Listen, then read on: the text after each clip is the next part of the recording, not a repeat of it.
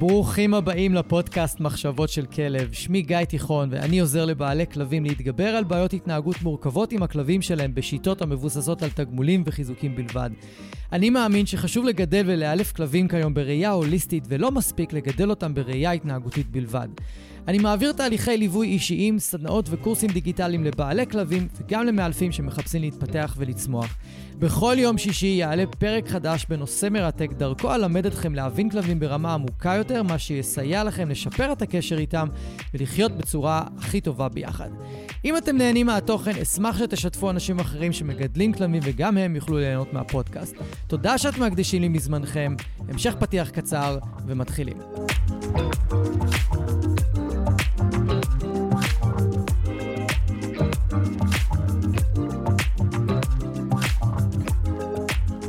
אהלן, מאזינות ומאזינים, ברוכים הבאים לפרק 144 בפודקאסט. הפרק הפעם הוא חלק ב' של פרק 143, ואם לא האזנתם לפרק הזה, אני מאוד ממליץ לכם, כי לפי ספוטיפיי, 50% מהאנשים שהתחילו להקשיב לפרק הקשיבו עד הסוף. ובדרך כלל האחוזים הם 25-33 אחוז, זאת אומרת רבע או שליש, והפעם חצי מכם המשכתם להקשיב עד הסוף, שזה מדהים.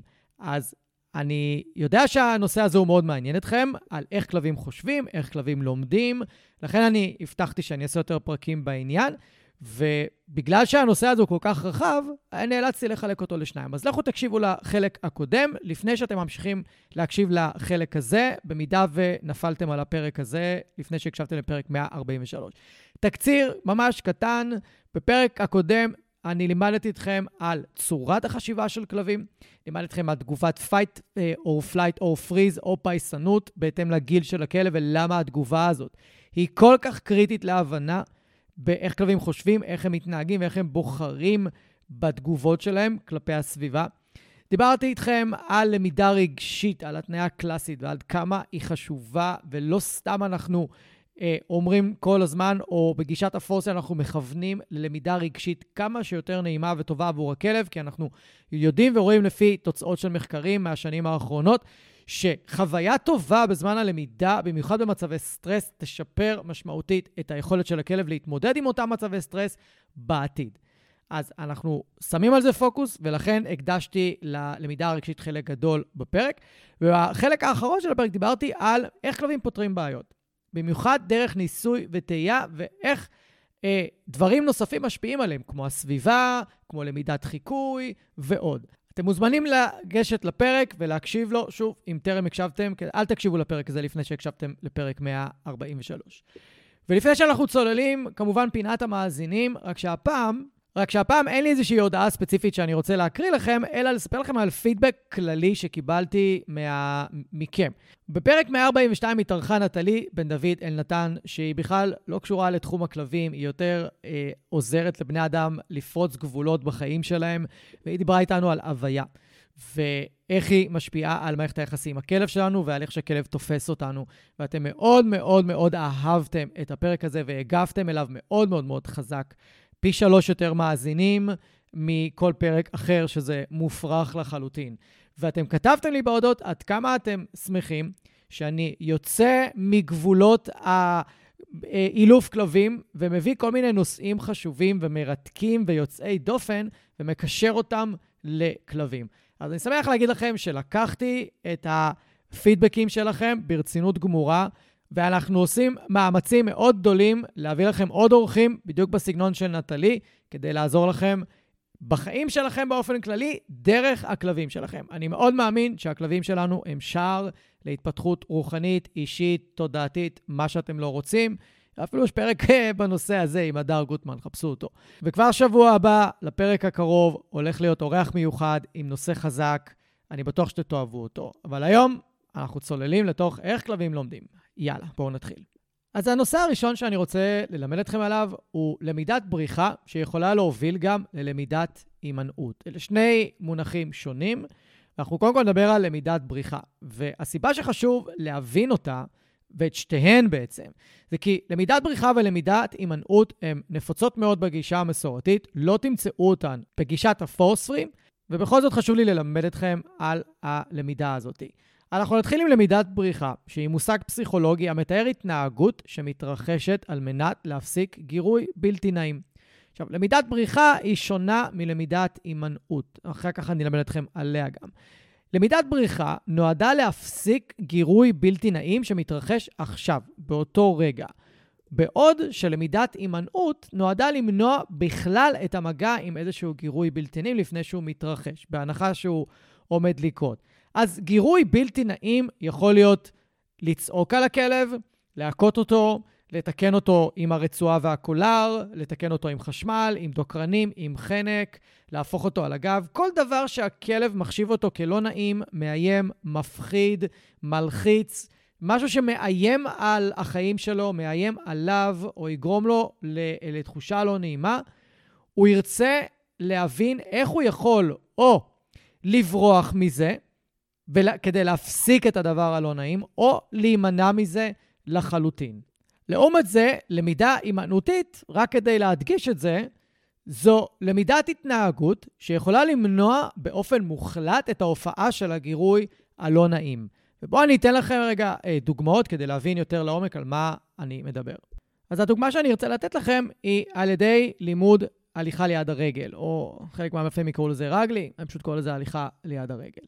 אז אם אני משתמש בלמידת בריחה ואז בלמידה הימנעותית כדי ללמד כלב ללכת ליד הרגל, מה שיקרה, שבכל פעם שהוא יתרחק מהרגל שלי, הוא יתחיל לקבל תיקונים.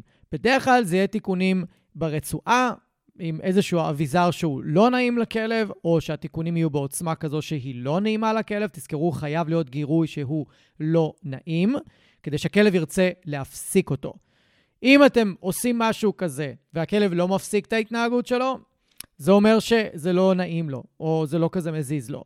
ואז הרבה פעמים מאלפים יגידו שכלב צריך איזשהו אביזר יותר מכאיב, או אם יעברו מחנק לדוקרנים, או מדוקרנים לחשמל, או כאילו תהיה איזושהי אסקלציה באביזרים שמשתמשים כדי לאלף את הכלב. אז אם הכלב עכשיו צריך ללמד אותו ללכת ליד הרגל, ואני משתמש בלמידת בריחה, אז היא תמיד תהיה משולבת בתיקונים ובענישה ובחיזוק שלילי, לייצר איזשהו גירוי לא נעים לכלב כדי שהוא רוצה להפסיק אותו. אז ברגע שהכלב מתרחק ממני, אני מתחיל לתקן אותו. אני מתקן ומתקן ומתקן וממשיך את הגירוי הלא נעים עד שהכלב לומד שברגע שהוא מתקרב לרגל שלי, התיקונים מפסיקים. זאת אומרת שהכלב למד לברוח מהתנהגות אחת להתנהגות אחרת, כי ההתנהגות האחרת מפסיקה את, ה, את הדבר הלא נעים שההתנהגות הראשונה יצרה. וזה מלמד את הכלב שברגע שהוא מתרחק מאיתנו, לא בטוח לו להיות שם. וזה למידה שהיא מאוד מאוד מאוד בעייתית, ותכף אני אכנס ללמה.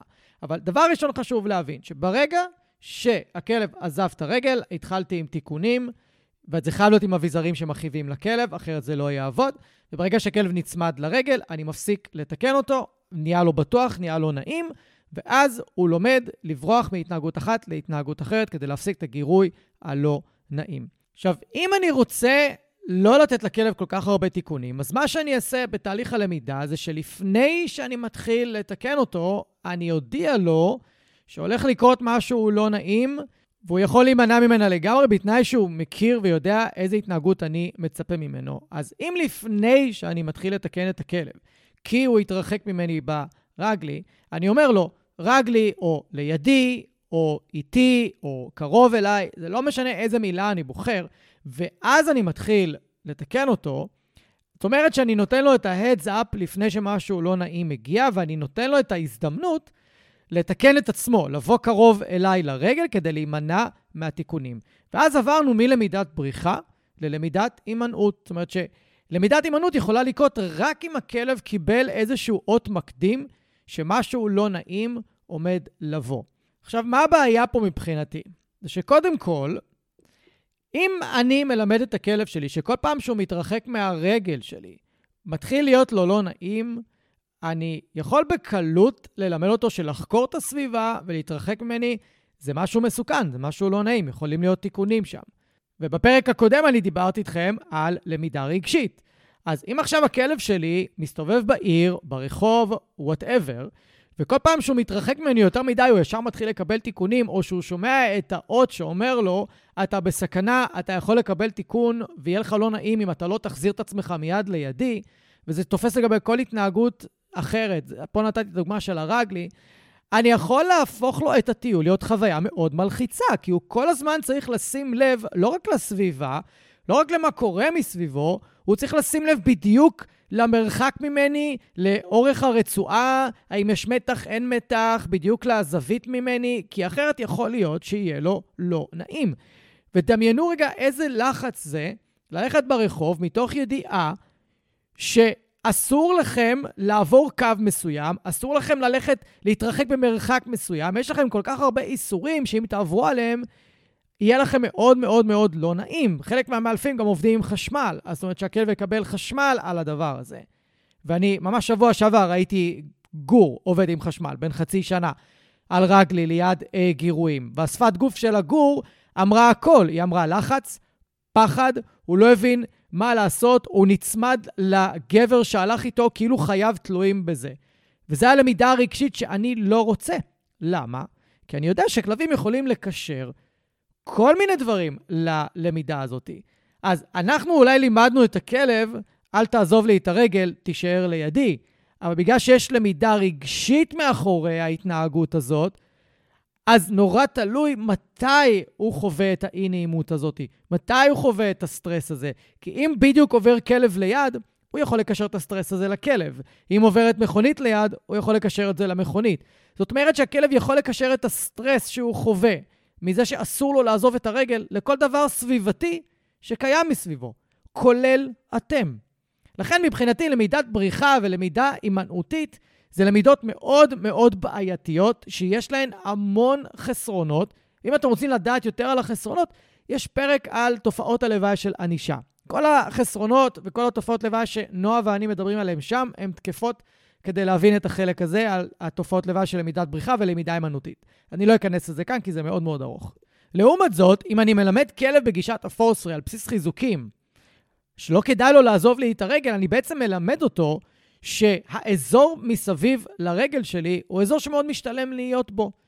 וכמו שבאילוף מסורתי משתמשים באביזרים כמו חנק, חשמל או דוקרנים כדי לאלץ את הכלב להישאר ליד הרגל, אז לנו בפורספרי יש אביזרים שמתאימים לה, אה, לאימון הזה. בהתאם, יש לנו את הרתמות נגד משיכה. אם זה כלב מאוד חזק לעומת הבן אדם שמוליך אותו, אפשר להשתמש ברתמות ראש, שזה הלטי וג'נטל לידר. כלבים שלא כזה מושכים, במיוחד כלבים קטנים, אפשר להשתמש איתם עם רתמות רגילות. בכל מקרה, המון כלבים, כשמורידים אותה, את הקולר ואת הרצועה מהקולר, הם מרגישים הרבה יותר נוח והרבה יותר נעים, יש להם פחות לחץ על הגוף. קולר זה הדרך הכי גרועה להוליך כלב. ואז הם מרגישים טיפה יותר משוחררים, טיפה יותר נעים להם בטיול, ויש הרבה כלבים שרק המעבר לרתמה, אפילו רגילה, עושה את העבודה ומפחית את המשיכות, ואז יש לנו יותר יכולת לעבוד איתם, להישאר ליד הרגל. ואם אני לא רוצה שהכלב יעזוב אותי או יתרחק ממני, יש לי טכניקות ללמד אותו. יש קורס שלם על איך לטייל עם הכלב בהרמוניה באתר דוגיטלי של רון מורד. אתם מוזמנים ללכת לבדוק אותו, יש לכם קישור למטה לפורטל של דוגיטלי, ויש שם את כל המידע על איך לעשות את זה, כולל תרגולים, כולל הדגמות, כולל האביזרים שאתם צריכים. אתם מוזמנים ללכת ולראות. עכשיו גם זה מחיר מבצע של 97 שקלים. אם יש לכם בעיית משיכות בטיולים, סביר להניח שזה יפחית ויצמצם משמעותית, או אפילו יפתור לכם את הקושי הזה. אז בלמידה הימנעותית שמבוססת תמיד על למידת בריחה, בלימוד רגלי ללכת ליד הרגל, אני מלמד את הכלב שרחוק ממני זה מסוכן, ולידי אין תיקונים. זה לא אומר בהכרח שלידי בטוח, כי מאוד תלוי מה עושים עם הכלב בשאר האימונים שלו, ואיך מלמדים אותו עוד התנהגויות יותר סטטיות מולנו, כמו לשבת, כמו ארצה, כמו סטי, כמו קשר עין, אני לא יודע, זה תלוי גם בזה. אבל לצורך הלמידה של הרגלי, להתרחק מאיתנו זה מסוכן. ובלמידה דרך הפורסרי, אם אני, האם הכלב מתרחק ממני, לא מסוכן לו, אני פשוט עוצר את הטיול, אני לא מתקדם, אני קורא לו לחזור, אני מלמד אותו שהוא לא יכול ללכת לאן שהוא רוצה, והוא לא יכול ללכת אה, לכל מקום, ויש בזמנים בטיול שהוא חייב ללכת לידי, כי זה מה שאני מלמד אותו וזה מה שאני רוצה, כי זה מה שנוח לי, וזה גם יכול להיות מותאם לסביבה שאני מטייל עם הכלב, במיוחד אם הוא ריאקטיבי או תוקפן ואני צריך שהוא יישאר קרוב אליי. לולה למשל הולכת רוב הטיול לידי, אני מעט מאוד נותן לה ללכת רחוק ממני, מהסיבה הפשוטה שהיא יכולה להתנפל על בן אדם או כלב שאני פספסתי או יפתיע אותי, לא מוכן לתת לזה לקרות. אז היא הולכת לידי, והיא למדה ללכת רגועה לידי עם רצועה, מה שנקרא, קצרה ורפויה. ואיפה שאני יכול, אני נותן לה יותר חופש ברצועה, והיא יכולה להסתובב.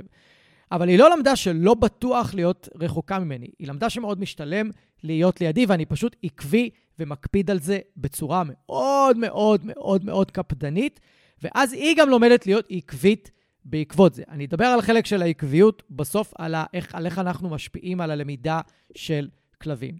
אז בגישת הפורסר, כלב לומד שמאוד משתלם להישאר לידינו, והוא לא יכול פשוט ללכת לאן שהוא רוצה. הוא לא חווה סכנה, הוא לא חווה משהו לא נעים. אנחנו מפחיתים משמעותית את הסיכון שהוא יעשה כישורים לא טובים לסביבה, בגלל שהוא חווה סכנה, כי יש תיקונים ויש דברים מלחיצים ולא נעימים ומכאיבים כתוצאה מלמידת הימנעות ולמידת בריחה. וכדי להבין את זה עוד יותר לעומק, צריך להבין עוד נקודה מאוד מאוד פשוטה. זה שכל יצור חי בעולם שואף למקסימום טוב ולמינימום רע. לכן צורת למידה הזאת היא מאוד אפקטיבית כדי ללמד התנהגויות.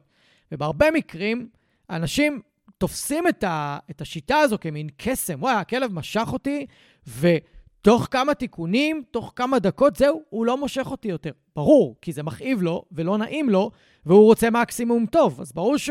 ומינימום רע, אז ברור שהוא יימנע מזה. ברור שהוא יבין וילמד מאוד מהר שכדאי לו להיזהר ולשים לב להתנהגות שלו מעכשיו. אבל שוב, אני חוזר ללמידה הרגשית ולאיזה, ולכישורים הנוספים שהכלב עושה בזמן הלמידה ובאופן כללי. והרבה פעמים, כדי שזה ייטמע ויוטמע, אתם תמיד תצטרכו לתקן את הכלב. אתם תמיד תצטרכו להזכיר לו דרך תיקונים וענישה, שהוא לא יכול ללכת לאן שהוא רוצה ולמשוך כמה שהוא... אי אפשר. אתם... אין כזה דבר שמפסיקים לתקן את הכלב. אין כזה דבר. ברגע שמאלף אומר לכם שמתישהו אתם לא צריכים יותר לתקן את הכלב, והוא ידע לעשות את ההתנהגות לבד, פשוט או לא מבין בהתנהגות, או משקר לכם, רק כדי שתיקחו את השירות שלו. אין התנהגות שממשיכה בלי חיזוקים, או בלי שיש עליה סנקציה. אין, לא קיים כזה דבר. כל יצור חי בעולם ימשיך התנהגות כי היא מתגמלת אותו, ויפסיק התנהגות כי הוא חווה עליה משהו לא נעים. ברגע שיש התנהגות שהוא כן רוצה לעשות והדבר הלא נעים מפסיק, יש מונח בפסיכולוגיה שנקרא החלמה ספונטנית, ההתנהגות חוזרת. למה? כי היצור, הכלב, הבן אדם, הילד, מאוד רוצים לעשות את ההתנהגות, אבל לא התאפשר להם כי הייתה סנקציה מספיק חזקה שמנעה מהם לעשות את ההתנהגות. אבל אם הרצון עדיין נשאר שם, כמו מרדף אחרי חתולים, ברגע שנפסיק את הענישה, הכלב יחזור לרדוף אחרי חתולים. אם הכלב מאוד רוצה למשוך בטיולים כי הוא חרד, כי הוא בסטרס, והסטרס גורם לו ללכת מאוד מהר, נוריד את התיקונים, הוא יחזור למשוך. זה מה שהרבה אנשים אומרים לי כל הזמן. כן, הורדתי את החנק, הורדתי את הדוקרנים, ראיתי שהכלב לא למד שום דבר, הוא חזר למשוך אותי, והתיקונים בקולר לא משפיעים עליו. ברור שזה לא משפיע עליו, הוא חווה דוקרנים וחנק, איך הקולר ישפיע עליו? ואותו כנ"ל לחיזוקים. אם אני לימדתי כלב באמצעות חיזוקים להתמיד בהתנהגות מסוימת, ועכשיו אני מוריד לו את החיזוקים או מפחיד אותם לרמה נמוכה מדי, ההתנהגות שלו תפסיק, במיוחד אם הוא רוצה לעשות משהו אחר. זה, אלה חוקי החיים, חברים. אלה חוקי החיים. התנהגות ממשיכה כי יש עליה חיזוק ותגמול, והתנהגות מפסיקה כי יש עליה סנקציה מאוד חמורה. אבל להפעיל סנקציה יש לזה מחירים לפעמים מאוד כבדים. וללמד דרך אה, חיזוקים חיוביים, זה אולי לא יהיה פרפקט 100% ואולי לא תקבלו ציות מהכלב בדיוק בעת הרגע שביקשתם, בשנייה שרציתם, בכל רגע שאתם רוצים, אבל לפחות אתם נמנעים מהמון המון תופעות לוואי וסכנות אחרות בהתפתחות של הכלב שלכם, וזה תופס לגבי ילדים, וזה תופס לגבי אם יש לכם בוס בעבודה, או אם אתם בוס בעבודה לאנשים אחרים, זה לא משנה. זה תופס לאורך כל מערכות היחסים שיש לנו עם אנשים, עם כלבים, עם חתולים, עם ילדים, עם כולם. כל עוד הם יונקים, כמובן. אז סיימנו עכשיו עם החלק על למידת בריחה ולמידה הימנותית, ואנחנו נעבור לחלק של למידה שהיא תלוית גזע וגנטיקה. אז קודם כל, כדי להבין את החלק הזה, צריך לזכור שאת הגזעי כלבים האדם יצר, אנחנו. אנחנו לקחנו כלבים קדומים, זיהינו אצלם כל מיני תכונות התנהגותיות שמשרתות אותנו, כמו למשל לראות חיות אחרות, כמו אצל כלבי הרועים, לשמור, כמו עם כלבי הצאן, או כלבים שיודעים להביא לנו דברים ולשחרר ורוצים שנשחק איתם, או שיש להם איזושהי אה, תכונה של משחקיות מאוד גבוהה. אז זיהינו את התכונות האלה, ולקחנו כלבים, הרבנו אותם אחד עם השנייה, ולאט לאט, במשך כמה מאות שנים, יצרנו גזעים שיש להם תפקידים מסוימים, שימוש מסוים, לפעמים שימוש מאוד מאוד ספציפי, וככה פיתחנו את הגזעים. וכתוצאה מזה, התפתחו כל מיני תכונות גזע שמאוד מאפיינות את אותם גזעים, שבלי התכונות האלה, אנחנו לא נוכל להשתמש בהם לשימוש הספציפי שלשמו פיתחנו אותם. וזה בא ביחד, וחלק מההתנהגויות האלה, או התכונות יותר נכון, מאוד יכולות לשמש אותנו, אבל אם אנחנו ניקח כלב כזה, עם תכונה כזאת, ונשים אותו בסביבה שהיא לא מתאימה לו, אנחנו נקרא לזה מה שנקרא בעיה התנהגותית. אצל הבורדר קולי רואים את זה בצורה הכי משמעותית. בורדר קולי עם יצר רעייה גבוה, שלא הולך ורואה כבשים או עדרים או whatever, והוא נמצא בדירה, בבית סגור, הוא יתחיל לרדוף אחרי צללים, הוא יתחיל לרדוף אחרי מכוניות, הוא יתחיל לרדוף אחרי ילדים ברחוב, הוא יהיה כלב בלתי נסבל לגידול. לא משנה שזה אחד הגזעים הכי טובים, הכי יעילים, הכי אפקטיביים, הכי ורסטיליים שהאדם יצר. ברגע שהכלב יהיה בסביבה לא מתאימה, אנחנו נקרא לזה בעיה התנהגותית. עכשיו, על אותו משקל, אם אני הבאתי גזע מסוים הביתה עם תכונות מסוימות, ואני רוצה שהוא יעשה איזושהי פעילות או פעולה שלא תואמת את התכונות שלו, יהיה לי קשה מאוד ללמד אותו.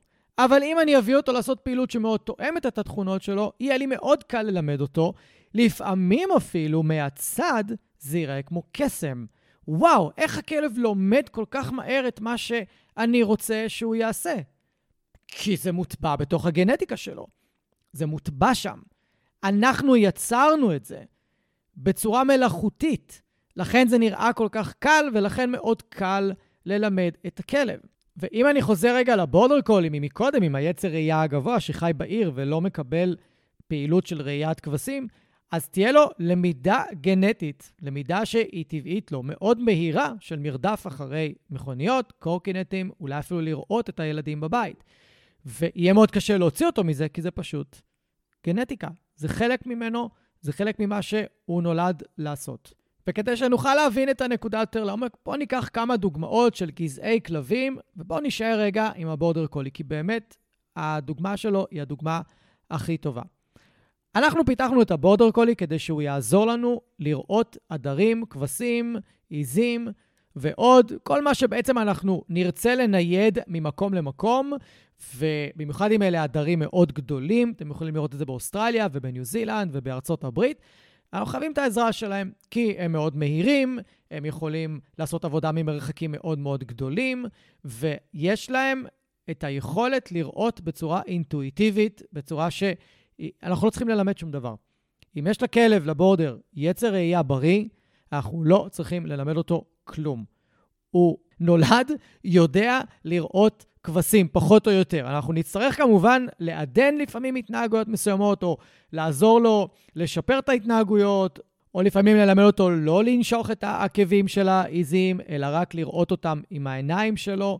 ואם אנחנו ניקח כלב כזה, שיש לו יצר ראייה מאוד גבוה, שאחת התכונות הכי חשובות ליצר ראייה טוב ובריא זה קשר עין. ואם אני רוצה לקחת כזה בורדר קולי ולהמיר אותו להיות כלב agility או כלב אלוף עולם בריקודים עם כלבים, הקשר עין הוא תהיה אחת התכונות הכי משמעותיות שאני אצטרך. כי לא לכל הכלבים יש את הקשר עין שיש לבורדר קולי, למלינואה, לרועה גרמני, לרועה אוסטרלי, לקלפי, כל הכלבי רועים האלה. אין.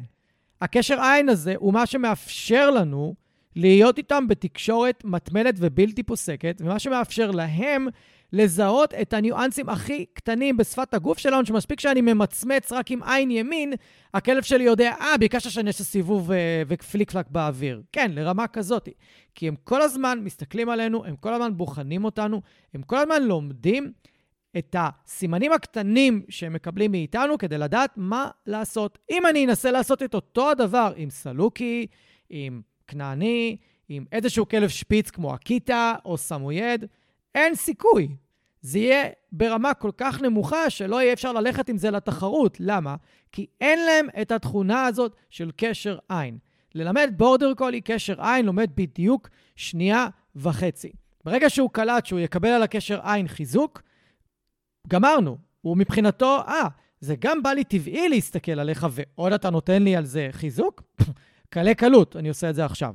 ולא רק זה, לבורדר קולי יש את היכולת להיות multitasking, משהו אה, מאוד משמעותי שאין לכל הכלבים. מה זה אומר multitasking? זה שגם כשאני מסתכל על, הכ... על הכבשים באינטנסיביות, אני יכול להקשיב למה אתה אומר לי ומה אתה רוצה ממני וליישם את זה ברמה מאוד גבוהה. כל מי שיש לו כלב כנעני, או איזשהו כלב בר, או קווליר, או איזה שיצו, או משהו מהכלבים האלה, להם למשל, מאוד קשה גם להיות מרוכזים במשהו בסביבה, גם להקשיב לכם. פשוט לא חלק מהתכונת גזע שלהם. זה לא משהו שאנחנו פיתחנו. ולכן הרבה מאוד אנשים והרבה מאוד מאלפים נגררים לענישה, כי הם לא משקיעים מספיק זמן בפוקוס והחזרת פוקוס ותשומת לב אלינו ומשך של תשומת לב, להישאר עלינו בתשומת לב. הם נגררים לענישה כי הם לא מודעים לזה שלגזע שהם מאמנים, או למה שהכלב שלהם מעורב בו, אין את התכונה הזאת של קשר עין, אין את התכונה הזאת של אינטנסיביות, אין את התכונה הזאת של multitasking, של להיות מפוקס על משהו בחוץ ולהיות מסוגל להקשיב. אין להם את זה. אז הם נגררים לענישה. ואנחנו נשאר רגע עדיין על הבורדר קולי, כי תכונה נוספת, מובנית, שאנחנו טיפחנו, שקיימת בגזע הזה, היא היכולת להבין ולבצע התנהגויות מורכבות אחת אחרי השנייה, מה שנקרא שרשרת התנהגויות. אנחנו יכולים בקלות מאוד ללמד בורדר קולי לעשות שרשרת התנהגויות מאוד מורכבת, מאוד מסובכת, ויותר מזה, להתמיד בה. להתמיד בה ולא לפרוש באמצע כל עוד תהליך הלמידה היה איכותי. אני לא מכיר הרבה גזעים שמסוגלים לעשות את זה. אבל בין אלה שכן יכולים ומצליחים, אתם יכולים למצוא את הפודלים, אה, רואים גרמנים, רואים אוסטרלים, אה, אפילו אולי חלק מגזעי ספורט, כמו לברדור, כמו גולדן. בדרך כלל הם כן יהיו מסוגלים. אבל עדיין אין תחרות למהירות, לאינטנסיביות, למהירות הלמידה וליכולת הביצוע של בורדר קולי ברוב המשימות האלה. לא סתם, זה הגזע הכי נפוץ שיש בקרב מאלפים. כי מאוד קל לאמן את הכלב הזה, מאוד קל להגיע איתו לתוצאות גבוהות, ומאוד קל להפוך אותו להיות מה שנקרא כרטיס הביקור. אם תראו אי פעם מאלף עם כלב לא שגרתי למאלפים, והכלב שלו מאולף ברמה מאוד גבוהה, תדעו שהמאלף הזה או המאלפת הם ברמה מאוד גבוהה. כי היה הרבה יותר קשה לאמן את הכלב הזה, לקח להם בטח יותר זמן, זה דרש מהם יותר השקעה, יותר התמדה, יותר מחקר על איך כלבים לומדים, כדי להביא את הכלב שלהם לרמה גבוהה. זה לא אומר שמי שהביא את הבורדר קולי, ההורה גרמני שלו לרמה גבוהה, הוא לא מאלף טוב, אבל בעיניי, להביא כלב עם יכולות יותר נמוכות לרמה גבוהה, זה יותר מרשים. ואם עוד משהו קטן על העניין הזה, תשבחו את מי שאימן את הכלב, לא את הכלב. גם אם הכלב הוא חכם ומעולה וזה, אבל עדיין, כדי שהכלב יתפקד ברמה גבוהה, הוא צריך מאמן ברמה גבוהה. אז תמיד תחמיאו גם למי שאימן את הכלב או ימנע אותו, זה הרבה יותר אה, נכון. ובואו נעבור לעוד גזע, מאוד מעניין. הפעם לקחתי את הבלאדהאונד. בלאדהאונד זה גזע מרתק, כי זה הגזע עם כמות קולטני הריח באף הכי גבוהה שיש. זה כלב שיכול להריח קמצוץ של ריח הכי הכי קטן ממרחקים עצומים, והוא לא צריך לגשש על הרצפה כדי לזהות את הריח, הוא יכול גם להריח את זה באוויר, דרך התנהגות שנקראת פשפוש. יש גישוש, שזה להריח על הקרקע, ופשפוש, שזה להריח את האוויר. והיכולת הזאת היא הופכת אותם להיות כלבי חיפוש אה, נהדרים, פשוט מדהימים, כל עוד הם נמצאים באקלים שמתאים להם. כי הם לא יכולים לעבוד באקלים חם מדי, בגלל המבנה של האף שלהם, והם לא יכולים לעבוד בטמפרטורות קרות מדי, כי הם, אין להם הרבה פרווה שמגנה עליהם. אז כל עוד הם בטמפרטורות הנכונות ובאקלים הנכון, אין כלב שיכול להתחרות ביכולת האיתור, הגישוש והחיפוש שלהם. עכשיו, כמו עם הבורדר קולי, אני לא צריך ללמד בלאדאונד לגשש ולפשפש. אני לא צריך. זה משהו שהוא כל כך טבעי לכלב הזה, שתהליך הלמידה מלהביא אותו ממצב של אתה מריח את הריח הזה, את החולצה הזאת, תמצא לי את הבן אדם. התהליך של להביא את הבלאדאון, ללחפש את הבן אדם בפועל, הוא מאוד קצר. אבל אם תיקחו רגע את הכלב הזה ותשימו אותו בעיר כמו רמת גן, שהיא לא העיר הכי נקייה בעולם, מה לעשות? גרתי שם שמונה שנים, אני יודע. ותצאו לטייל איתו ברחוב. אגב, זה יקרה גם עם ביגל, זה יקרה גם עם באסט האונד, כל הכלבי ההאונד למיניהם, שהם עובדים עם האף שלהם. האף שלו יהיה קבור ברצפה, כל הזמן ימשוך אתכם לכיוון אוכל, הוא כל הזמן יחפש אוכל סביר להניח. ואם יש לו איזה שהם חרדות או איזה שהם פחדים, נגיד מכלבים, הוא יוכל להריח כלב במרחק של איזה 50-60 מטר מכם באיזה רחוב אחר לגמרי, ולכם לא יהיה מושג שהוא כרגע עוצר בטיול, הוא כרגע לא רוצה להתקדם, או הוא מושך אתכם לכיוון אחר, כי הוא הריח כלב שהוא לא אוהב, או כלב שמפחיד אותו, שאולי תקף אותו באיזה רחוב אחר. או שהוא מריח אוכל חתולים, לא סתם הגרגרים היבשים, אלא באה איזה דודה כזאת ופינקת החתולים באורז ובשר ומשהו ריחני וטעים ממש, והוא מריח את זה 80 מטר, 100 מטר אפילו מאיפה שאתם נמצאים, והוא גורר אתכם לשם. הוא רוצה להגיע לבשר, כי הוא מסוגל להריח את זה. קחו סמויד, לא בטוח שהוא יריח מהמרחק הזה בתוך עיר עמוסת גירויים וריחות נוספים. פלאדאונד כנראה כן יריח את זה.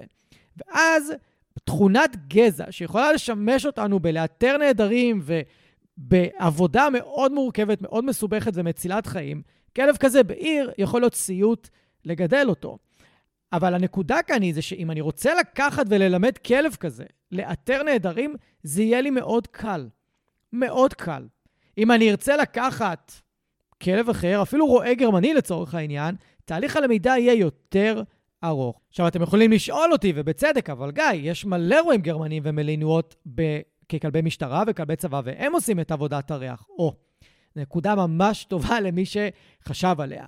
זה כי הרבה יותר קל לאלף רועים גרמנים ומלינויות או רועים בלגים מאשר בלאדאון. בלאדאון למשל, מאוד קשה לאלף אותו, מאוד קשה לגדל אותו, זה כלב סופר עצמאי. למה? כי אם אני רוצה שהוא יחפש נעדר, או כל דבר אחר, אני בדרך כלל שולחים אותו עם, היום כבר, כן, היום עושים את זה, עם משדר GPS, לך תמצא, אנחנו אחריך. אם צריך, מרימים מסוק לאוויר אם אפשר, או נוסעים אחריו ברכב, או רצים אחריו. אבל אם אנחנו נרצה אה, ללכת איתו עם רצועה, יהיה לנו מאוד קשה לעמוד בקצב שלו, כי הוא מסוגל להריח ולגמוע מרחקים בקצב מטורף. אני לא אשכח שבבית ספר לאילוף, אצל אבנר רז, הוא סיפר לנו איזה סיפור שאותו אני זוכר הכי הרבה. הוא אמר שיצא לו לעבוד עם בלאדאונדים, ומבחינתם, ברגע שהם עלו על הריח, הם היו רוצים לשחרר את הבלאדאונדים מהרצועה ולהרים מסוק באוויר, ומה אה, שנקרא לרדוף אחריהם ולעוף אחריהם, כי הם לא היו עומדים בקצב שלהם. וזה הופך את העבודה איתם להיות קצת יותר מורכבת ויותר קשה אולי. ואם אני צריך מבלאדאונד שעושה קצת יותר פעולות מאשר רק לחפש, זה, אני אהיה מאוד מוגבל. אבל אני יכול לקחת רועה גרמני, לצורך העניין, או רועה אה, בלגי, גם ללמד אותו לחפש, גם ללמד אותו להיות כלב מרדף, גם ללמד אותו להיות יותר קשוב ועם יותר תשומת לב אליי, ויהיה לי הרבה יותר קל איתו. אבל כן יש מקומות שאני יכול להגיד לכם שמביאים בלאדאונדים רק לשם החיפוש ולא מצפים מהם לשום דבר אחר כמעט, וזה כל מה שהכלב עושה. ובמקומות שזה אולי שטח יותר קשה לחיפוש, יביאו את הביגלים או יביאו באסט האונדים. הם יכולים לעשות את אותה עבודה, והם, אבל הם לא יכולים לגמוע את אותם מרחקים. אבל אם אני צריך לחפש ברדיוס יותר קטן, ואולי אפילו באזור יותר קשה להסתובבות ולהליכה, יכול להיות שהכלבים הקטנים יהיו יותר טובים לעבודה הזאת. אבל שלושתם יכולים לעשות פחות או יותר את אותה עבודת חיפוש וגישוש. ואני אחזור שנייה על הבלאדאון, כי אם אני אקח כלב כזה עוד פעם, ואני אשים אותו בעיר, ואני ארצה לגדל אותו כחיית מחמד, כמו רועה גרמני, ואני אלך למאלף, אני אגיד לו, שמע, אני רוצה שהבלאדאון שלי, אני רוצה לשחרר אותו, ואני רוצה שהוא יחזור אליי. זה יהיה מאוד קשה ללימוד. כי כל ריח קטן ידליק אותו ויגרום לו פשוט ללכת אחרי הריח, כי זה מה שהם עושים. כנ"ל עם הסקים למשל. הסקים לא ילכו אחרי ריח מסוים, הסקים פשוט אוהבים מרחבים, ואוהבים לרוץ, ואוהבים ללכת, ואוהבים להתרחק, הם מאוד עצמאיים, בדיוק כמו הבלאדאון. אז גם אותם יהיה קשה ללמד לחזור אלינו. זה לא אומר שזה בלתי אפשרי, אבל הציפיות שלי מללמד אליי בלאדאונד יהיו שונות לחלוטין מאשר ללמד בורדר קולי, או רועה גרמני, או כלב מעורב, שאני רואה שיש לו אוריינטציה מאוד גבוהה לחזור אליי, לבוא אליי, להיות לידי, לעשות איתי משימות, אה, הוא מאוד אוהב להתאמן איתי, זה יהיה הרבה יותר קל. עם בלאדאון, שממש לא אוהב להתאמן ולעשות תרגילי אילוף בסיסיים, הם שונאים את זה, וגם מי שמנסה ללמד אותם מהר מאוד, פff, מבין שלא כדאי להתאמץ. אז מי שרוצה לגדל בלאדאונד, צריך להבין שמהר מאוד הכלב הזה יפעל לפי האינסטינקטים והנטיות הטבעיות שלו ללכת אחרי ריחות, לברוח לכיוון ריח מסוים, אם זה נקבה מיוחמת, במרחק של כמה מאות מטרים ממנו, איזי פיזי, הוא ייעלם לך מהבית בלי בעיה. צריך לקחת את הדברים האלה בחשבון. ואז אם אני רוצה ללמד אותו את הדברים ההפוכים מזה, כמו שאמרתי, לבוא אליי, לא לקחת דברים מהרצפה, לא למשוך אותי לריחות, זה יהיה מאוד קשה, כי זה מנוגד לאופי ולטבע של הגזע. ואם כבר אנחנו מדברים על טבע של גזע, זה לא בדיוק גזע, בואו נדבר רגע על כלבי הבר. כי אצלם אין אמנם גזע ספציפי, אבל אנחנו יכולים כן לזהות כל מיני תכונות אופי מאוד דומות מאחד לשני, גם אם אין, שוב, גם אם אין גזע. אחת התכונות המאוד בולטות שלהם זה היעדר יכולת להתמודד עם עומס עירוני, רעשים, ריחות, כמות אנשים, כמות כלבים, אה, הצורך וההכרח ללכת על מדרכה בקווים ישרים, במקום פשוט לנדוד, ללכת ימינה, שמאלה, אחורה, ימינה שוב, קדימה, בואו נחזור קצת אחורה. ככה הם הולכים. אם טיילתם עם כלב כזה בפארק, אתם לא הולכים בקו ישר, הם לא הולכים בקו ישר. כמעט אף כלב לא הולך בקו ישר, אבל בגלל שאנחנו יצרנו גזעים שיהיה לנו נוח לגדל אותם, ואת רובם אנחנו מגדלים בבית, אז אנחנו יכולים לעשות להם את ההתאמות האלה, שיהיה להם סבבה ובסדר ללכת בקו ישר. עם הכלבי בר או כנענים לצורך העניין, זה הרבה יותר מורכב וזה הרבה יותר קשה. אז כלבי הבר שמתקשים להתמודד עם עומס, ואנחנו יודעים שהם לא כלבים שאנחנו פיתחנו, אז רמת הקשב שלהם אלינו מאוד נמוכה. היכולת שלהם ל multitasking כמעט ולא קיימת. יש להם אה, נטייה לצבור סטרס וחרדה, ועוד איך. יש להם קושי להתמודד עם שינויים ואזורים חדשים והחלפה של סביבה, בין אם זה הכלבים שהם היו רגילים לראות אותם ברחוב ופתאום עברתם לשכונה אחרת והם לא מכירים את הכלבים, יהיה להם קושי להסתגל, הם אפילו יכולים להפוך לריאקטיביים לכלבים. אנחנו מכירים, ואם אתם מקשיבים לפודקאסט באופן הדוק, אתם יודעים את כל הבעיות האלה. ואם אני יודע את זה על הכלב, אני לא אצפה ממנו להתנהג כמו בורדר קולי. אני לא אצפה ממנו להתנהג כמו כלב, אפילו לא בורדר קולי, כלב שקל לאלף אותו. כל כלב מעורב שמראה אוריינטציה מאוד גבוהה אלינו, ורצון גבוה ללמוד, ואוהב לקחת חטיפים, ואוהב אולי לשחק. כבר פה יהיה לי פער מאוד מאוד גדול, ואני לא יכול לצפות מכלב בר שיהיה כזה. והבעיה היא זה שהרבה מאלפים שמגיעים אליכם כדי לאלף את הכלבי בר האלה, מתייחסים אליהם כאל עוד כלב. הוא מסוגל לעשות מה שאתם רוצים, מבטיחים לכם בפרסומות, תביאו את הכלב, אנחנו נאלף אותו, הוא יהיה פרפקט, כאילו תביאו לנו רועה גרמני או רועה בלגי, ויהיה לנו מאוד קל לאלף. לא, זה כלבים שבדרך כלל שוברים את הרוח שלהם, שמים עליהם חשמל כדי להכריח אותם להתנהג בצורה מסוימת, כי מאוד קשה לאמן אותם. מאוד קשה לתפוס את התשומת לב שלהם. בטח מול גירויים, בטח מול טריגרים, ובגלל זה אני, יצא לי לפתח שיטות שכל המטרה שלהם היא שהלמידה של כנענים תהיה פשוטה, תהיה קלה, שאנחנו לא נעמיס עליהם, כי אני יודע שברגע שנעשה את זה, זהו, איבדנו את הכלב. הוא לא ירצה להשתתף באימונים יותר. ועשיתי על זה פרקים שלמים על למה אנחנו מאבדים את הכלבים בתוך האימון והם פורשים ולא רוצים להתאמן איתנו. אבל אם אני אקח כלב כזה, כלב בר, ואני אחיה איתו בסביבה שהיא הרבה יותר שקטה, היא לא עמוסה, האנשים שחיים מסביבו והכלבים מסביבו הם יחסית קבועים, ויש לו הרבה מרחבים והרבה שטח, הוא יהיה כלב יחסית רגוע, שיהיה הרבה יותר קל לאמן אותו ולאלף אותו, כי הוא חווה פחות סטרס וחי עם פחות סטרס, ואני אוכל ליהנות ממנו יותר. זאת אומרת שאת הכלבים האלה, ואני אמרתי את זה המון המון פעמים, אני לא הייתי מגדל בתוך עיר, אם זו הייתה בחירה שלי. אם הייתי יודע שכאשר אני הולך לעמותה ומראים לי כן, אומרים לי כן, זה כלב בר, אני אומר, אה, אני חי בעיר, אני לא רוצה לגדל כזה כלב בעיר. רק אם היה לי את הידע הזה מוקדם. אם אני חי במושב, והכלב חברותי לאנשים, יופי, פנטסטי, אני אביא את הכלב. גם יהיה לי כלב התראה ממש טוב, ושלרוב לא תוקפן, הם רובם לא, לא תוקפנים באמת. גם יש לי כלב שיהיה לי מאוד כיף לטייל איתו, כי הם מאוד אוהבים לטייל, במיוחד אם יש לי שטחים פתוחים ליד הבית.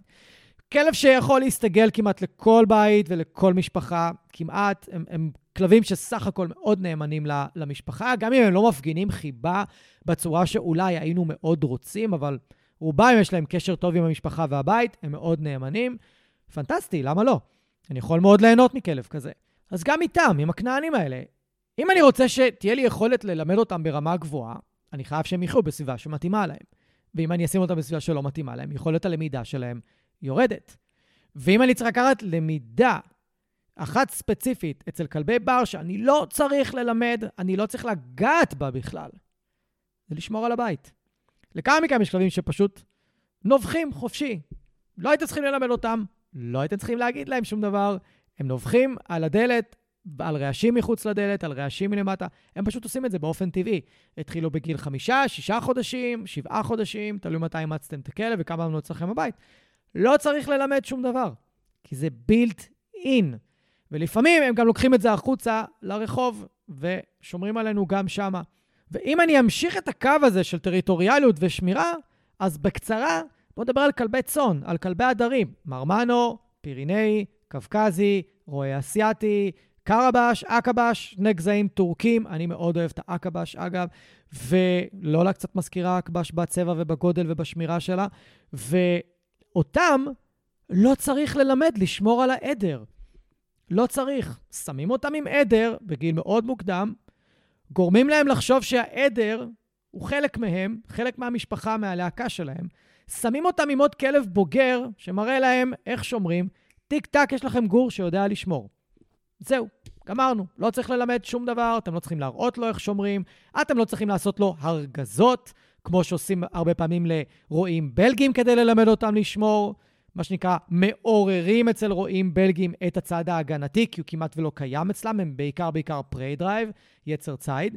אבל אצל כלבי הצאן, בעיקר יצר הגנה עובד, יצר ציד גם, אבל פחות, כי הם צריכים לחיות עם חיות ש... ולשמור עליהם, אז הם לא, לא יכול להיות להם יצר ציד גבוה, אחרת הם פשוט יהרגו תרנגולות, יהרגו כבשים ויאכלו אותם. לכן הורידו אצלם את היצר ציד, העלו אצלם את היצר הגנה ואת היצר הריגה, במידה וצריך להרוג את, ה, את הטורף. אז אני לא צריך לקחת כלב כזה וללמד אותו לשמור. זה הולך להיות לו מאוד אינטואיטיבי. ואם אני אכניס כלב כזה לחיות אצלי בדירה בבית, מהר מאוד הוא יכול לקחת תפקיד של שמירה בדלת או בשער, תלוי איך אני מגדל אותו.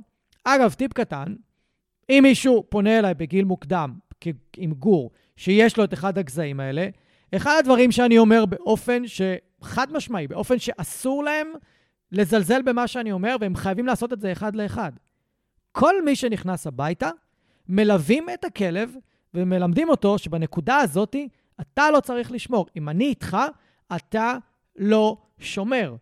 ועושים את זה באמצעות קישור חיובי לאורחים, באמצעות זה שנותנים לכלב להכיר אותם ולארח אותם ומכירים לו את בני הבית, ויש כל מיני דרכים לעשות את זה. אבל אם אני לא נמצא שם, תשמור חופשי, יש לך אישור לעשות מה שאתה רוצה.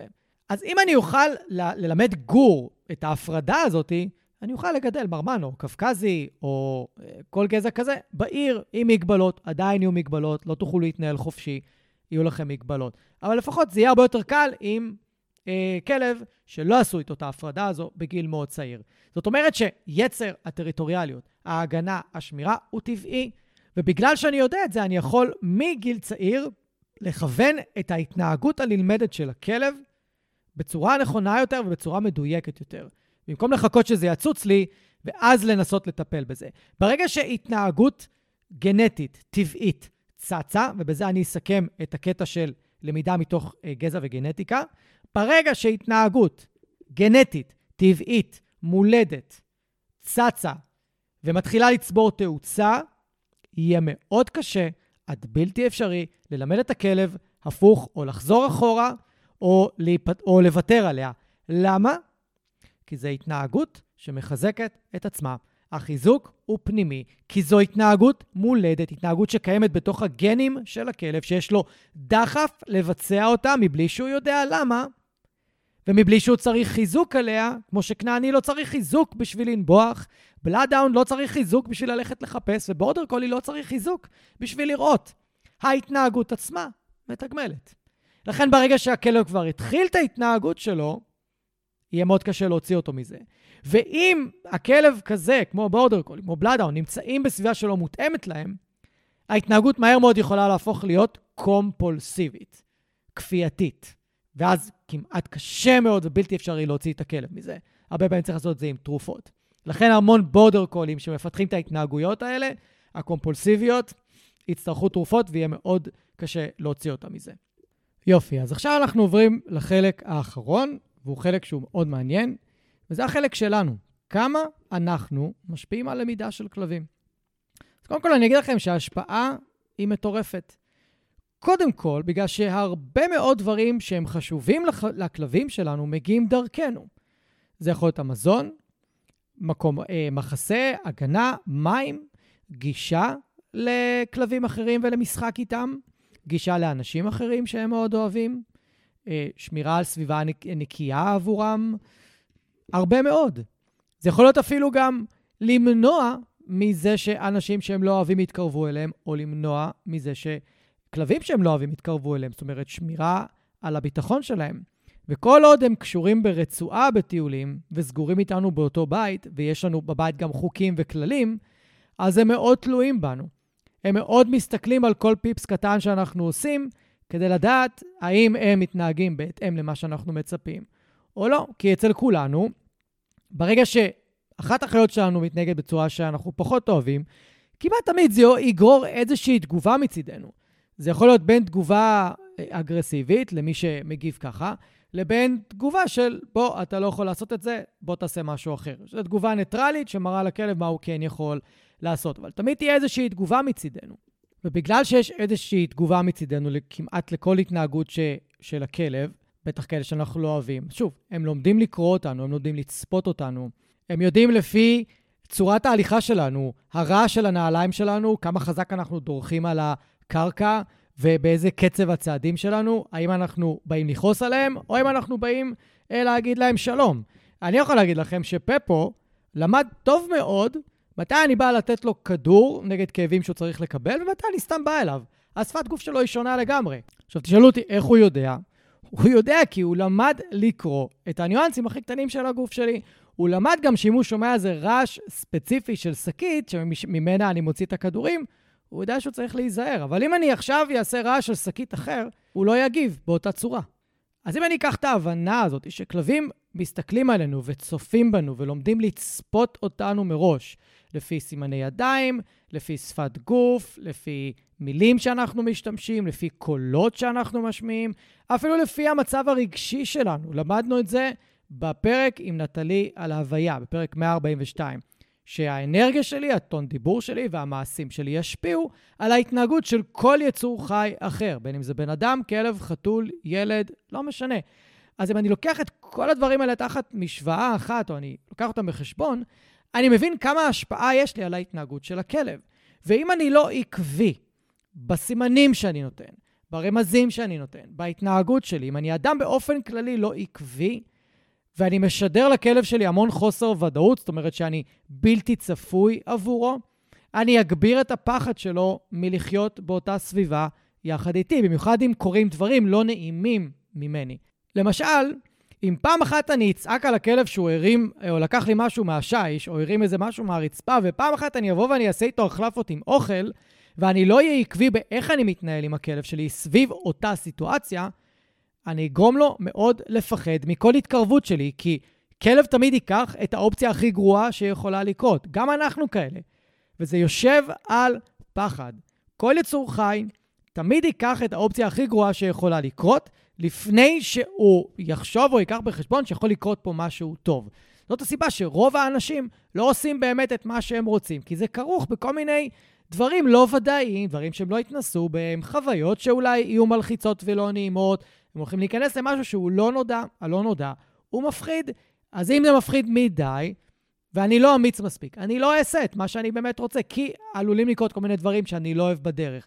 אז כלב, אותו דבר, ייקח את האופציה הכי, הכי גרועה שיכולה לקרות, אם הוא חווה אותה ממני בעבר, ויכול להיות שכשאני אבוא להחליף איתו, הוא לא יסכים, כי פעם קודמת צעקתי עליו. הוא לא ירצה, הוא יהיה כל כך סגור ומכווץ ומפוחד, כי הוא יצפה שאני אצעק עליו, שהוא ירד לי מהשעה, שהוא יעזוב את מה שהוא לקח. ואז בנקודה הזאת אנשים אומרים לי, אבל הוא לא משתף פעולה, ניסיתי עם אוכל. כן, אבל השאלה שלי זה, תמיד אתם באים עם אוכל? או שיש מישהו מבני הבית שמגיב אחרת? וכמעט תמיד יש או מישהו מבני הבית, או אחד או כמה, שהם לא מגיבים טוב, הם מגיבים בכעס, הם מגיבים בעצבים, וזה סוגר את הכלב שלהם. ואז הוא לא מוכן לשתף פעולה בדברים אחרים שכן באים לעשות איתו, עם אוכל ועם החלפות בצורה שהיא יותר נעימה. לכן, לרמת העקביות שלנו, באיך אנחנו אה, מגיבים לכלב על התנהגויות שלנו ואיך אנחנו מאמנים אותו, היא קריטית. כי אם אני יום אחד יאמן אותו בשיטה מסוימת, ויום למחרת אני אחליט לאמן אותו את אותה התנהגות בשיטה אחרת, אני אבלבל את הכלב שלי. הוא לא ידע מה אני רוצה ממנו. ואז, זה שהכלב שלי לא מאולף, זה עליי. זה לא עליו. בכל מקרה זה תמיד עליי, אבל אני רוצה להדגיש את זה. אז זה אומר שלעקביות שלנו יש תפקיד מאוד מאוד חשוב, וממש עוד פרק שניים, יהיה לכם פרק ספציפי על עקביות ועל איך אה, ליצור מנהגים טובים ואיכותיים שיעזרו לכם לגדל, לחנך ולאלף את הכלבים שלכם. תהיו סבלניים, זה מגיע. השפעה נוספת מאוד משמעותית שיש לנו על יכולת הלמידה של כלבים, היא כמה הכלב סומך עלינו, ואיזה קשר יש לנו עם הכלב. כי אם הכלב לא סומך עליי, יהיה לו מאוד קשה ללמוד ממני. יהיה לו מאוד קשה להתמודד עם מצבי סטרס בעז... עם העזרה שלי, כי הוא לא סומך עליי. אם אני רוצה שהכלב שלי יתמודד איתי במצבי סטרס מאוד קשים, אני חייב שהוא יסמוך עליי ברמה כזאת שהוא יגיד לעצמו, לא משנה מה גיא אומר, אני סומך עליו, אני הולך עם מה שהוא מחליט, כי אני יודע שמה שהוא עושה זה תמיד לטובתי, תמיד עוזר לי, תמיד מקל עליי ותמיד מפחית לי את הלחץ ואת הפחד. ולשם אני מכוון, אבל אם אין לי את זה עם הכלב שלי, אם הוא לא רואה אותי כדמות כזאת, הסיכוי שהוא יסכים לשתף איתי פעולה בכל מיני מצבי סטרס הולכת ויורדת. ואם הכלב שלי לא סומך עליי ברמה כל כך גבוהה, אז הוא גם לא ירצה להתאמן איתי. הוא פשוט יפרוש מאימונים. ולאבד אמון, כולנו יודעים, זה מאוד קל. זה הדבר הכי קל בעולם. אנחנו יכולים לאבד אמון ככה. לבנות אמון, זה לפעמים דורש חיים שלמים והתמדה ויכולת לראות את האחר, היכולת להיות בחמלה לקושי של יצור אחר, היכולת להיות בחמלה כלפינו, כשאנחנו אולי לא מצליחים ללמד כמו שצריך את הכלב, כי אם אנחנו לא נהיה בחמלה לעצמנו כשדברים לא הולכים לנו, ונכעס ונהיה עצבנים, אז אנחנו עוד פעם חוזרים לאיזו אנרגיה ואיזה רגש אנחנו מביאים למערכת היחסים עם הכלב. כי אם אני אבוא לאמן אותו כשאני עצבני וכועס, הוא ירגיש את זה מיד, הוא יפחד ממני, הוא יירתע ממני, והוא לא ירצה להתאמן איתי, או שהביצועים שלו יהיו מאוד מאוד נמוכים. ולכן גם יש כלל, אם אתם כועסים ועצבנים, אל תאמנו את הכלב. ואם אתם חייבים לאמן אותו, כי אתם יוצאים איתו לטיול והוא ריאקטיבי וחרדתי ואתם עדיין חייבים אה, לאמן אותו, או להיות איתו, או להיות בהקשבה אליו, תורידו את הציפיות שלכם מהיכולת ביצוע שלו, כי אתם אלה שכועסים ועצבנים והוא מושפע מכם. אז אם לסכם את הנקודה הזאתי, ככל שיש אמון גבוה יותר, יכולת הלמידה של הכלב עולה ומשתפרת. וזה לא מפתיע, כי רמת הסטרס שלו מתהליך הלמידה נמוכה. הדבר השלישי שאנחנו מאוד משפיעים דרכו על הלמידה של הכלבים שלנו ועל ההתנהגות שלהם, היא למידה חברתית. כן, כן, כלבים יכולים לחקות אותנו בהתנהגויות שלהם. ולי לקח די הרבה זמן לראות את זה, ודי הרבה זמן גם להאמין בזה, וממש לראות את הדוגמאות בחיים שלי. אבל אני יכול לתת לכם דוגמה מאוד ברורה. מאז שיש לי את לולה, שהיא כלבה מאוד רגישה, מאוד רגישה למצב הרגשי בבית, מאוד רגישה לעצבים בבית, מאוד רגישה לכעס בבית, אני יכול לראות עליה. בימים שאני יותר עצבני ויותר כועס, ולפעמים החתולים, הגורים, יכולים להטריף לי את המוח עם ההתנהגות שלהם, במיוחד עוזי, ויכולה להשתחרר לי איזה צעקה שהם יפסיקו לקפוץ לי שמה ולשרוט לי את זה ולהשתולל פה עד שאני מוציא אותם החוצה, כי בדרך כלל זה הסימן שהם משתגעים בבית והם רוצים לצאת. היא בעצמה יכולה לנבוח עליהם ולהיות עצבנית כלפיהם הרבה יותר, אה, בדיוק כמוני יותר נכון. ממש, אם אני ארים עליהם את הכל, הסיכוי שהיא תנבח עליהם או תתעצבן עליהם הולך ועולה אה, בצורה של אחד לאחד. וזה רק בגלל המצב הרגשי שלי, וזה רק בגלל שאני מרים את הכל. ובימים שאני לא כזה, לא לה כמעט ולא פוצה מילה מהפה על ההתנהגויות שלהם. עכשיו, זה לא אומר שהיא מושפעת רק ממני. לפעמים החתולים עולים לה על העצבים, בלי קשר להתנהגות שלי, והיא פשוט ת, תתעצבן עליהם, וזה בסדר. אבל אני כן יכול לראות מתי היא מתעצבנת עליהם, שגם אני קצת מתעצבן. ואתם שואלים את עצמכם, מה, אתה מתעצבן, אתה מרים את הכל? כן, אני בן אדם, מה לעשות? גם לי זה קורה. ואם להרחיב על הנושא הזה, אז בשנים האחרונות פותחה שיטה שנקראת Do as I do. תעשה מה שאני עושה. ויש שיטה ממש של קלאודיה פוגצה, שדיברתי עליה קצת בפרק הקודם, אני לא ארחיב על זה כאן. אתם יכולים ללכת ולחפש את Do as I do ולקרוא על זה יותר. אבל פיתחו שיטה, דרכה אנחנו יכולים ללמד כלבים לחקות את ההתנהגות שלנו. ואני השתמשתי בזה בכמה וכמה שיעורים ועם כמה לקוחות, וזה פשוט עבד. וזה מטורף. במקרה אחד לימדנו כלבה לעלות ולרדת מהמיטה בלחקות אותנו. ממש. הראינו לה את השיטה, לימדנו אותה את השיטת הכלבה, לימדתי גם את הבחורה, ואז אמרתי לה, תעלי על המיטה ותגידי לכלבה, תעשי כמו שאני עושה. הכלבה הסתכלה עליה, חיכתה 2-3 שניות, עלתה על המיטה. הבחורה אומרת, אה, אמרה לה, תעשי כמו שאני עושה, ויורדת מה, מהמיטה, זה חלק מהשיטה. הכלבה מסתכלת עליה, יורדת מהמיטה.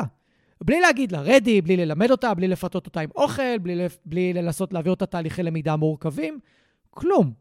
וזה היה כל כך יפה לראות את זה, וראיתי את זה קורה בעוד המון מצבים, וראיתי את זה גם קורה בין כלבים.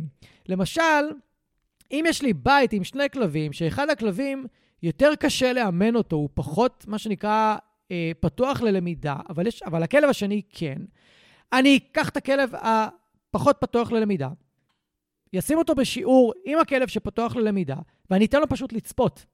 פשוט לצפות, לצפות בכלב יושב, עושה ארצה, בא אלינו, עושה את התרגילים שצריך לעשות, ואז אני אלך ואני אעשה את זה עם הכלב השני. ואני גיליתי שכשעושים את זה ככה, לכלב הפחות פתוח ללמידה שצפה, פתאום רמת הלמידה שלו, או היכולת שלו ללמוד, היא עולה. גם אם זה לא קורה אחרי פעם אחת שהוא צופה, הוא יכול לצפות כמה פעמים, היכולת שלו תעלה. ואני לא אשכח פעם אחת, כאשר הייתי בשיעורים כלבה שהיא פחדה מכלבים וקצת התחילה לפתח ריאקטיביות לכלבים. ונכנסנו איתה לגינת כלבים, והיו שם כלבים שהיא לא הסתדרה איתם, והוצאנו אותה החוצה. ואז היא התרחקה כמה מטרים מהגינה, איזה 20 מטר מהגינה, ונשכבה, ופשוט צפתה בגינה. ואני אמרתי לעצמי, מה זה? זה מוזר. בדרך כלל כלב שכאילו לא רוצה להיכנס לגינה ומפחד מהכלבים שם, פשוט ילך, הוא לא יישאר לצפות בגינה. בטח שזה השביל גישה לגינה, ויכולים לבוא עוד כלבים. אמרתי להם, אתם יודעים מה, בואו נחכה פה כמה דקות, זו התנהגות מעניינת, אני לא רגיל לראות אותה בדרך כלל. הכלבה ישבה שם ופשוט צפתה לתוך הגינה על שתי כלבות, סליחה, על שלושה כלבים משחקים ביניהם. ואז אחרי כמה דקות היא פשוט קמה, ביקשה להיכנס לגינה, והלכה ישר לכ... לכלבה שהייתה הכי משחקית בתוך הגינה, והתחילה לשחק איתה ועזבה את הכלבים האחרים. זה היה פשוט מדהים לראות את זה. היא ביקשה לצאת מהגינה כדי לראות מי מהכלבים הם משחקים ואפשר לשחק איתם, ואז חזרה לאותה גינה עם אותם כלבים וישר הלכה לשחק עם הכלבה המשחקית. אני, אני עמדתי מהצד ואמרתי להם, תקשיבו, זה פשוט היה מדהים לראות את זה עכשיו, ואיזה כיף ואיזה מזל שחיכינו וראינו מה, למה היא רצתה לשכב ולהסתכל ולהביט בגינה. אז ללמידה מתוך צפייה, מלמידת חיקוי, יש חשיבות, וכדאי לכם להתחיל לשים לב איך אתם מתנהגים בבית, כי אולי, אולי, אולי, הכלב מחכה אתכם. הדבר הנוסף שיכול מאוד להשפיע על הלמידה של כלבים, זה כמובן היכולת שלנו, וזה מתקשר קצת לנושא הקודם של למידה תלוית גזע, זה היכולת שלנו לזהות צרכים מיוחדים של הכלב שלנו, כל מיני שטיקים מיוחדים של הכלב שלנו, וכל מיני התנהגויות וניואנסים שהם שייכים רק לו, ולא לכלבים אחרים. זאת אומרת שזה היכולת שלנו לצאת רגע ממה שאנחנו מכירים על אילוף ועל כלבים ולמידה, ולצאת מהדברים הרגילים, ולהתחיל לראות את הכלב שלנו כאינדיבידואל בפני עצמו, שיכול להיות שלומד קצת אחרת, מבין קצת אחרת, יש לו סף לחץ אחר, ולראות את זה. ואז גם להגיב בהתאם להתנהגויות שלו. ואם יש משהו טוב אצל כלבים, ודיברנו על זה ממש לפני כמה דקות, זה שהם מסוגלים לזהות עלינו את המצב הרגשי שלנו, לזהות ניואנסים בשפת גוף שלנו, כולל לזהות האם אנחנו רואים אותם, האם אנחנו רואים את הקשיים שלהם, האם אנחנו רואים את היכולות שלהם. הם מסוגלים לדעת את זה. ואני ראיתי כלבים לא פעם, והמון פעמים, שאיתי הם מוכנים להתאמן ולעשות דברים בצורה די שוטפת, אבל עם הבני בית שלהם, הרבה פחות. למה? מהסיבה העיקרית שאני רואה את היכולות שלהם, רואה מה הם מסוגלים ולמה הם לא מסוגלים. ואני בא עם ציפיות בהתאם. והבני בית שלהם כבר ניסו לעבוד איתם, ניסו לאמן אותם, והם באו עם ציפיות כל כך גבוהות, והם לא ראו את היכולות האמיתיות של הכלב, ונוצר שם קצר. אפשר לשקם את זה, לא לדאוג. אפשר לשקם את זה בלי בעיה, כל עוד אין, איזשהו, אין איזושהי היסטוריה קשה של אה, אילוף מאוד אגרסיבי, או אתם יודעים, דברים יותר קשים מזה. כל עוד אין, אפשר לשקם. וגם אם יש, עדיין אפשר לשקם, אולי לא ל-100%, אבל אפשר.